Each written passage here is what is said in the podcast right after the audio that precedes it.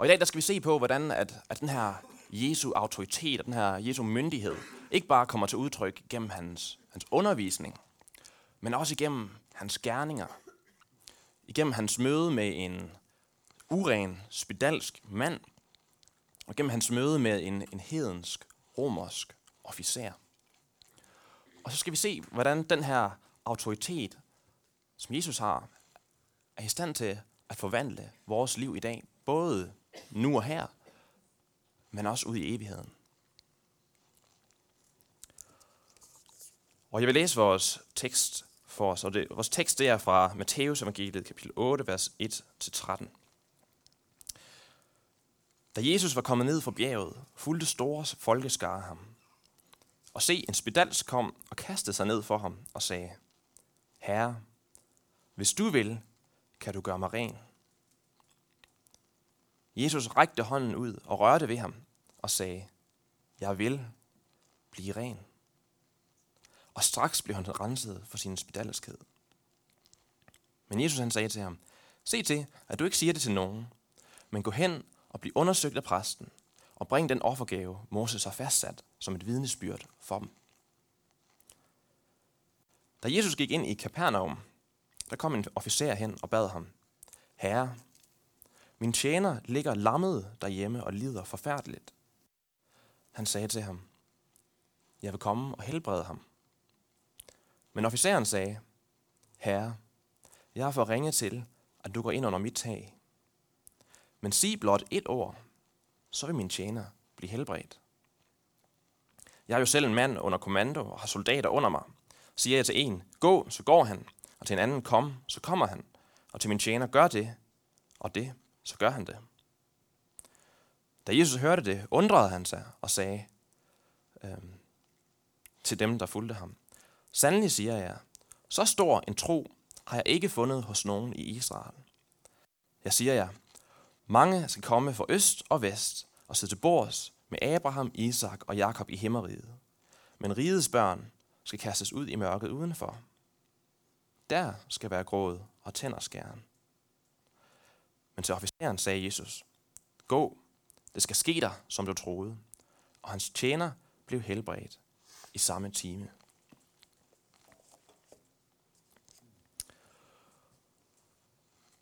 For det første skal vi lægge mærke til, hvordan at, at Jesu autoritet, den vidner omkring hans identitet.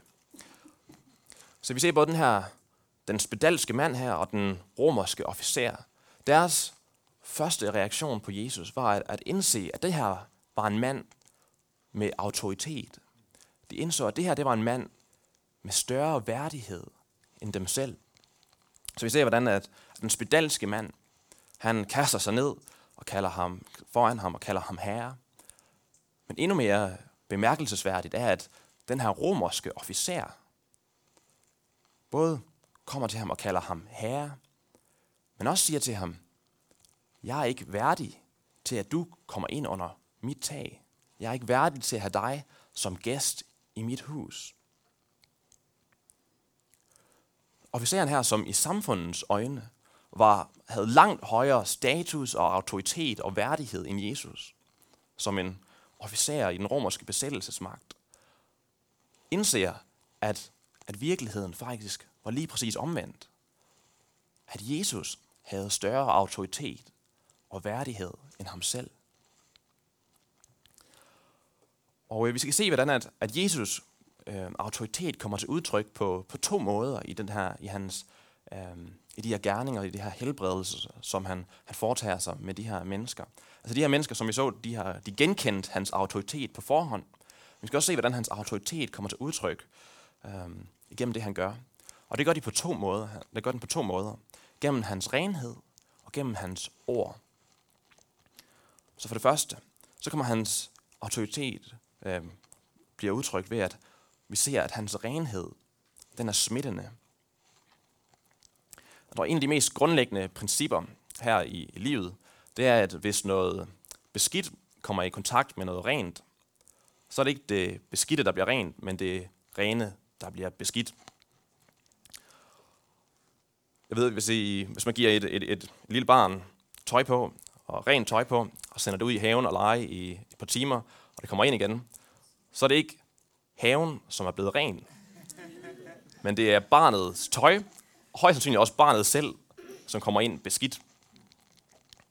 Eller hvis man, så er nogen, der har cyklet til gudstjeneste her til morgen, hvis man har sine flotte nye sko på og cykler afsted, øhm, så er det altså ikke cykelstien, som bliver flot, at du cykler hen ad cykelstien. Det er dine sko, der bliver lige så grimme som cykelstien. Og det er sådan et, et, et grundlæggende princip i livet, men, men det her princip, det har faktisk noget at, at sige det ind i den her situation, hvor Jesus han møder den spedalske. Fordi på Jesu tid, så var den her spedalskhed, det var sådan et, et over, hvad skal man sige, sådan et begreb, som dækkede over en, en række af forskellige hudsygdomme, som alle sammen var øh, utrolig øh, ja, grimme og invaliderende for dem, som havde de her hudsygdomme. Men endnu værre end deres fysiske konsekvenser, så havde det også konsekvenser for deres, et menneskes sociale øh, hvad skal man sige, deltagelse i samfundet. Fordi at ifølge Moseloven, de her de var, de var jøder, de levede efter den, Moseloven, så var et menneske, som var spedalsk, også urent. Rent rituelt, rent ceremonielt. Det betyder, at et menneske, som var spedalsk, var permanent øh, afskilt fra at kunne tage del i alle de her religiøse ting, tage i templet til at tilbede, bringe ofre. Men det betyder, for at gøre det endnu værre, så betyder det også, at, at det her menneske var adskilt for at tage del i det normale samfund med andre mennesker.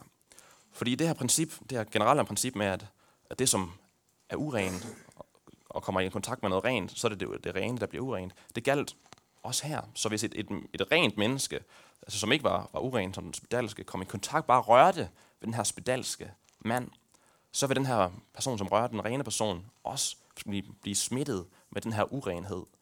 Øhm, så mennesker vil have holdt sig langt væk fra den her person, den her spedalske mand. Så han var afskåret fra, fra samfundet. Der er ingen, som vil i kontakt med ham. Der er ingen, der vil røre ved den her mand. Og det er på den baggrund, at, at Jesu helbredelse af den her spedalske mand er opsigtsvægtende. For det første, Jesus gør efter, at, at manden her spørger, om han er villig til at helbrede ham, det er, at Jesus han går hen og rører ved ham. Og rører ved den spedalske mand. Så alle de her mennesker, som øh, har lyttet til Jesus og har fulgt efter ham, de vil have gået til siden for at lade den her spedalske mand passere, fordi de var ikke interesserede i at blive urene, ligesom ham. Så den her mand må have, skal man sige, ligesom, ja, flokken af mennesker omkring Jesus må have spredt sig, for at den her spedalske mand kunne komme hele vejen hen til Jesus. Men i, men i stedet for at undgå at røre den her spedalske mand, så det første, Jesus gør, det er at lægge sin hånd på ham. Og alle, som, som så det, alle Jesu disciple og, og mennesker omkring ham, har tænkt, Jesus, din klovn. Nu er du selv blevet uren. Nu, er du selv, nu, vi ikke, nu må vi ikke røre ved dig de næste døgns tid, indtil du har renset dig selv. Hvad laver du? Det er jo da fjollet. Hvorfor skulle du røre ved den her mand? Nu skal du selv til at gennemgå renses ritualer og så videre. Men til alle folks overraskelse, der var det ikke Jesus, der blev uren, da han rørte ved manden. Det var manden, der blev ren. Da Jesus rørte ved manden, der forlod hans spedalskhed ham. Hans hud, blev, som var grim og ødelagt, blev pludselig sund og rask. Men ikke bare blev han, hans krop helbredt ved en enkelt berøring fra Jesus. Der forsvandt øjeblikkeligt også den sociale skam, som han har båret på hele sit liv. Den stigma, som havde klæbet til ham. Hele hans liv forsvandt ved en enkelt berøring fra Jesus. Der var et eller andet ved Jesus, der gjorde, at, at hans renhed havde større kraft end menneskers urenhed.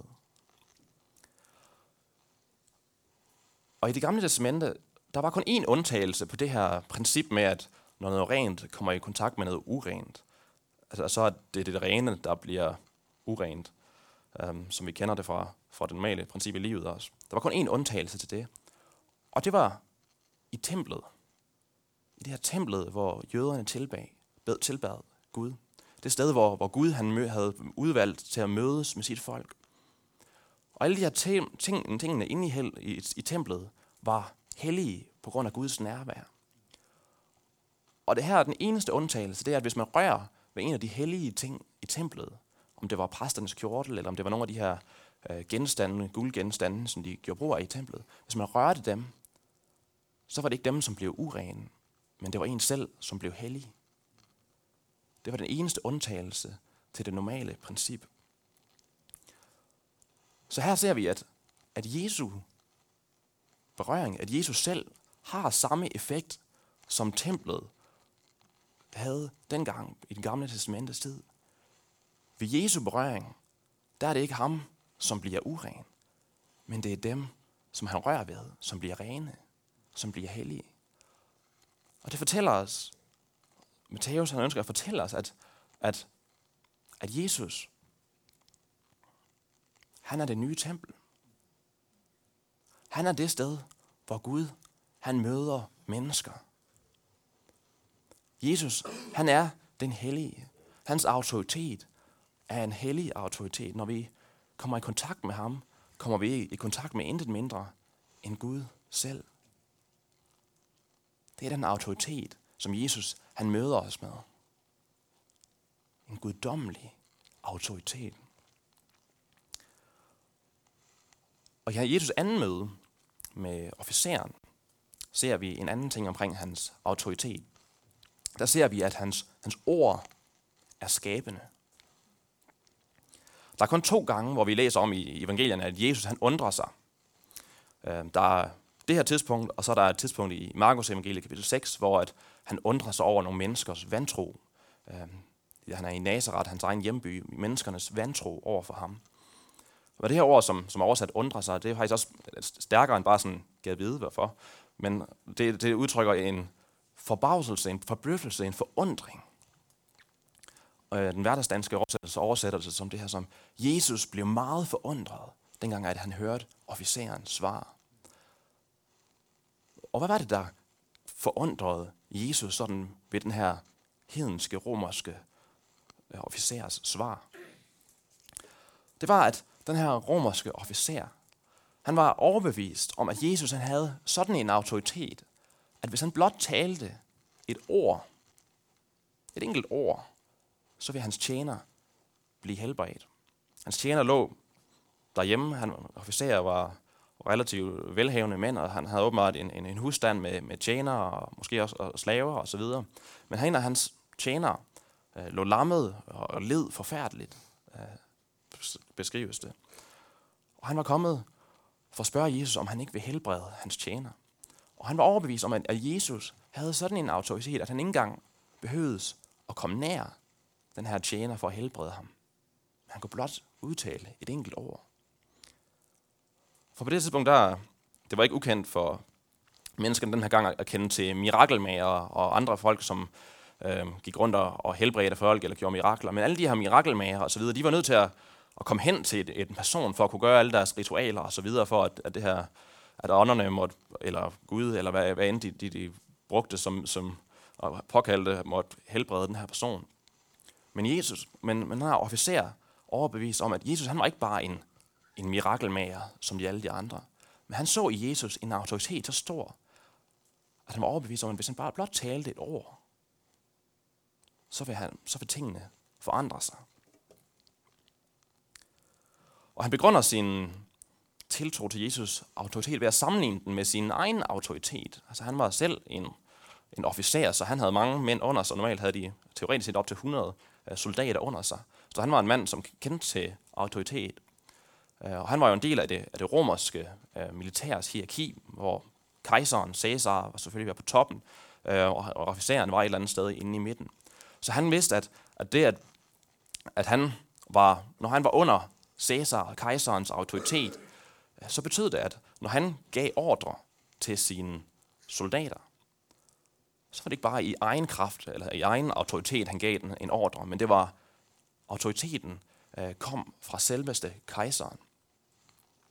Og han sammenligner det her med det, som Jesus han siger, at, eller med, med Jesus. Han var overbevist om, at, at Jesus, ligesom, ligesom han havde sådan en autoritet, altså han havde selveste kejserens autoritet, når han talte øh, tingene som soldater, så var han overbevist om, at Jesus, han havde intet mindre end Guds autoritet, når han talte med sit ord.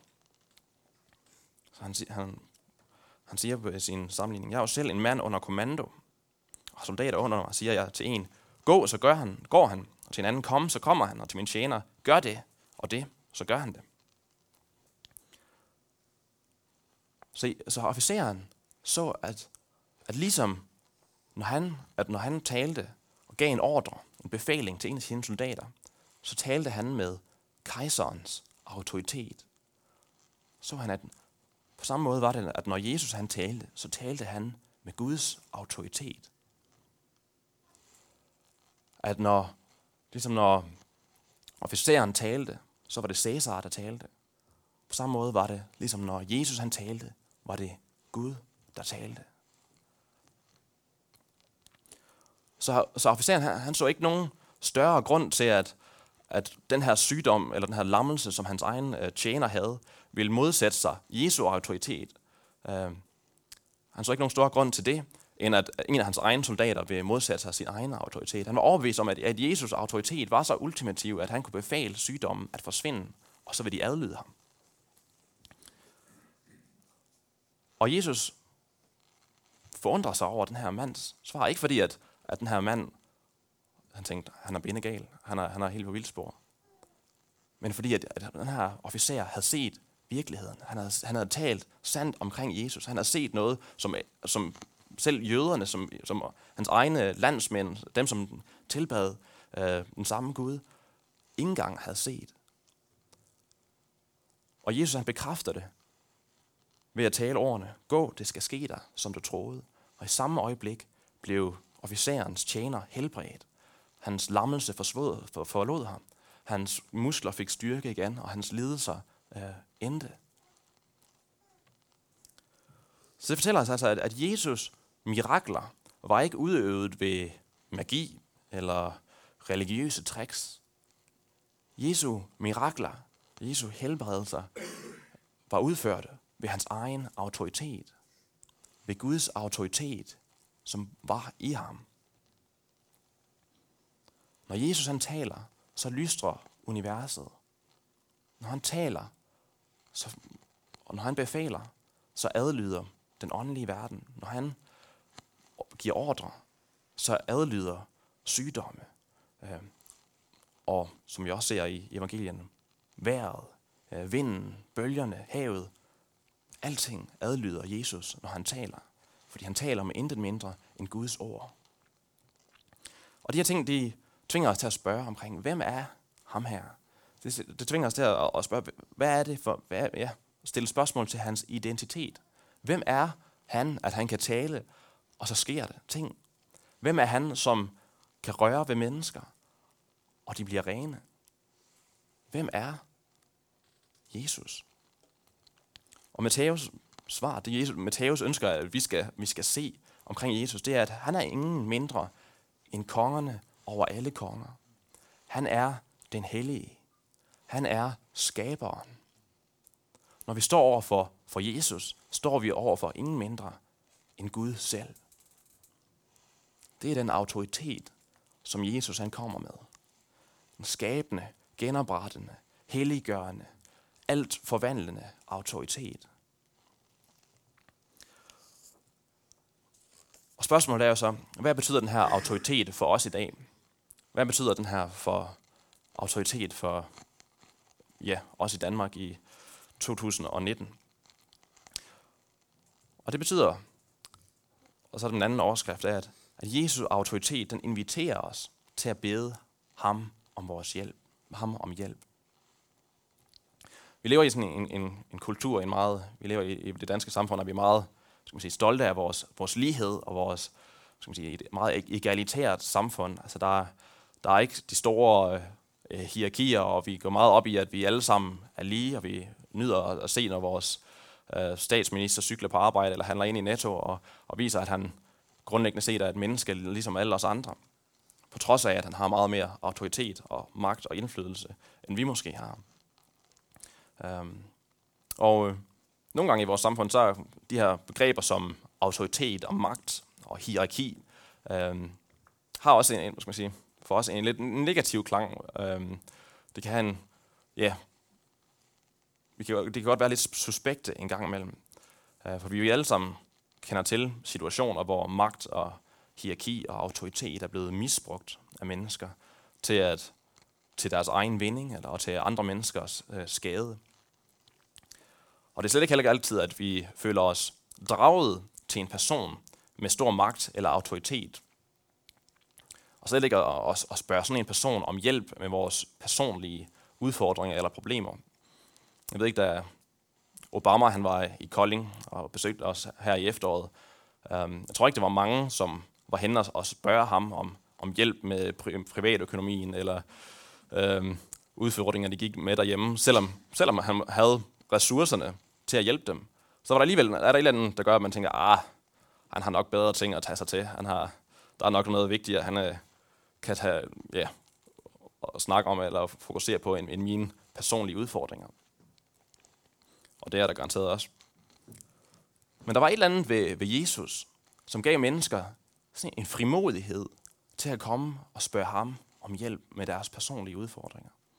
Der var et eller andet ved Jesus, selvom både officeren og den spedalske, helt fra de så ham, var overbevist om, at hans autoritet og værdighed og status var langt, langt over deres egen, så gav det dem en frimodighed til at komme med deres dybeste behov hen for ham. For de var overbevist om, at ikke bare, han ikke bare havde autoriteten og ressourcerne til at hjælpe dem, men at også han havde viljen til at hjælpe dem. Og hvad var det, der, der gjorde det? Hvad var det, de så i Jesus, øh, der gav dem den her frimodighed? Og øh, det er selvfølgelig svært at, at, at sige lige præcis, hvad var det, der gik igennem deres hoveder. Det kan være, øh, hvad, de, hvad, det, hvad de oplevede inde i dem selv. Øhm, det kan være, at de har set Jesu karakter, den måde, han, hans mildhed, hans barmhjertighed, hans, hans kærlighed, øh, når han befærdede sig med andre mennesker. Men jeg tror, en ting, som, som i hvert fald åbnede menneskers øjne og gav dem den her frimodighed, det var den måde, som Jesus han brugte sin autoritet på. Så Jesus han brugte ikke sin autoritet til egen vinding. Han brugte altid sin autoritet til fordel for de svage, for de hjælpeløse, for de udstødte. Han brugte sin autoritet for andres bedste til at bringe andre op med. Jeg tror, det er det, det ultimative udtryk for den her måde, Jesus han bruger sin autoritet på, er selvfølgelig på korset. Hvor Jesus han brugte sin egen autoritet til at betale prisen for vores oprør mod Guds autoritet. Jesus, han, og omkring hans, hans forekommende død, så siger han selv, Ingen tager mit liv fra mig, men jeg sætter det til af mig selv. Jeg har magt til at sætte det til, og jeg har magt til at få det tilbage igen. Altså det, der skete ved, med Jesus på korset, det var ikke bare tilfældigheder og mennesker, som han blev reddet med af omstændigheder, og han var magtesløs i den her situation. Jesus han var i fuld kontrol hver eneste øjeblik. Det var ved hans egen autoritet, hans egen magt, han lagde sit eget liv ned. Hvert eneste øjeblik kunne han have vendt situationen, men Jesus brugte sin autoritet, sin magt til at frelse mennesker, til at frelse syndere, til at frelse mennesker, som levede i oprør mod ham og hans himmelske far.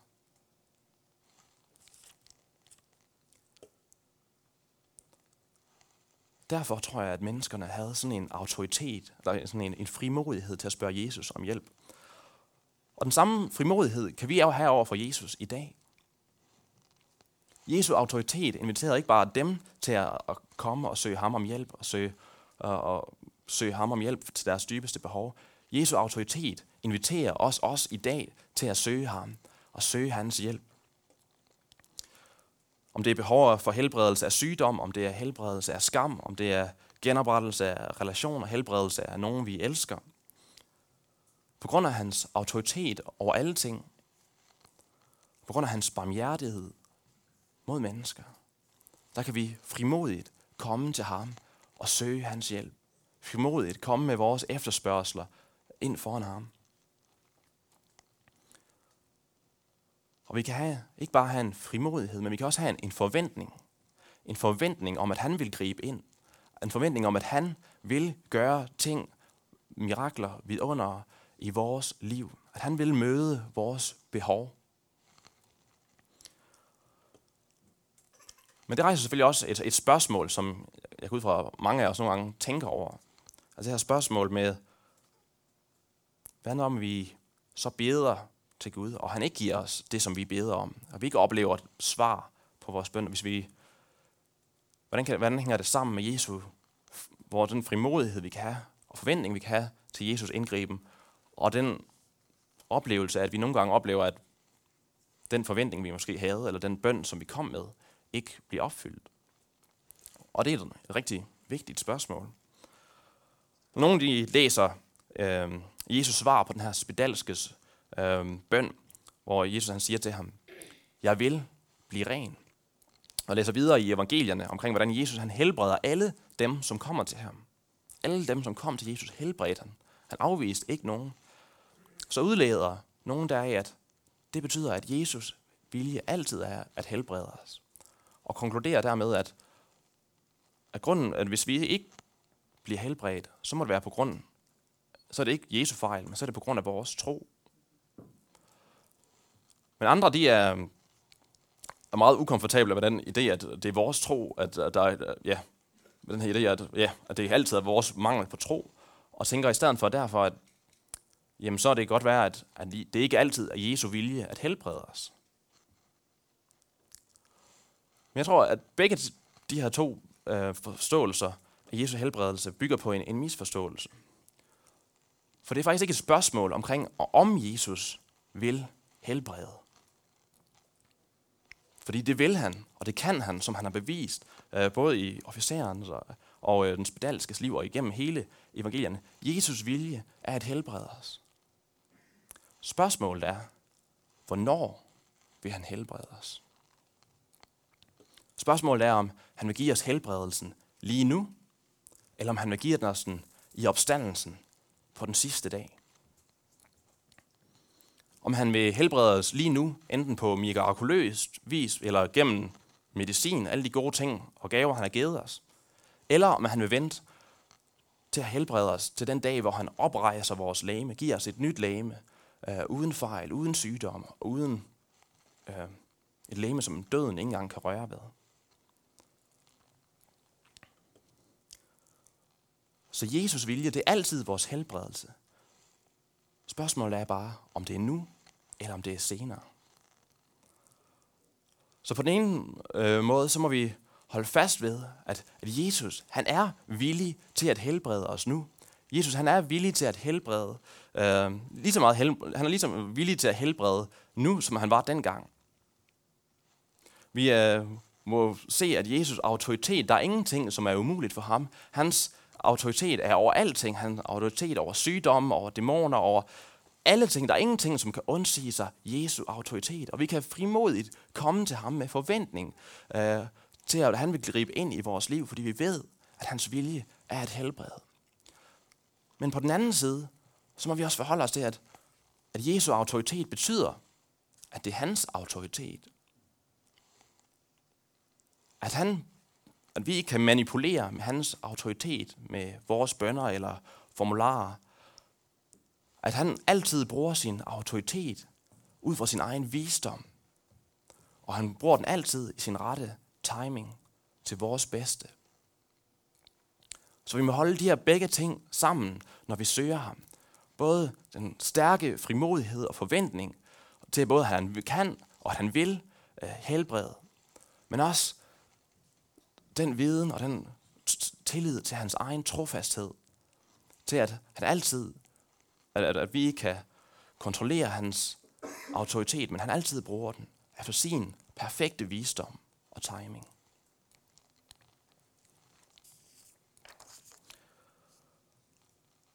Og det vender sig også om, at Jesu øh, helbredelse i dag, den kan ikke adskilles fra den opstandelsen på den sidste dag.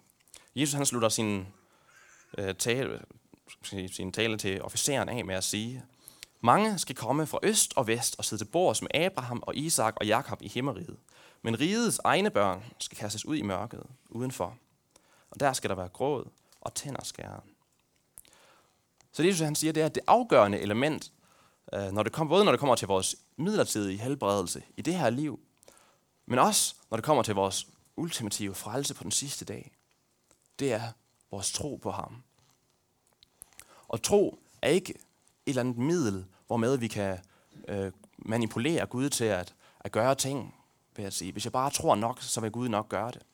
Nej, tro i den bibelske forstand er, at vi erkender vores egen utilstrækkelighed, vores egen desperate behov for hjælp. Og samtidig har en tillid til, at Jesus han både kan, har øh, kraften og autoriteten, og også viljen til at, at, at møde vores behov. At han har på korset købt vores fulde frelse, både til, til lægeme og til sjæl. Og at han vil fuldt ud frelse os, både fra, fra sygdom og fra synd og fra skam. Men at det ikke altid, vi ikke altid oplever det lige nu, før den dag Jesus han kommer igen. Og sådan en, en tro til Jesus autoritet, den bringer ham stor ære, når vi i tillid til ham siger, Jesus, vi ved, du både kan og vil helbrede og genoprette alting, og du vil gøre det en dag. Den bringer ham stor glæde, stor ære. Men den bringer os også den glæde, som vi længes efter. Den bringer også den glæde, øh, som findes i hans nærvær. I hans opstandelses liv, som vi kommer til at tage del i. Fra nu af og ind til evigheden. Så det jeg godt kunne tænke mig, at vi gjorde nu, det er, at vi alle sammen rejste os, og øh, så vil jeg slutte med at bede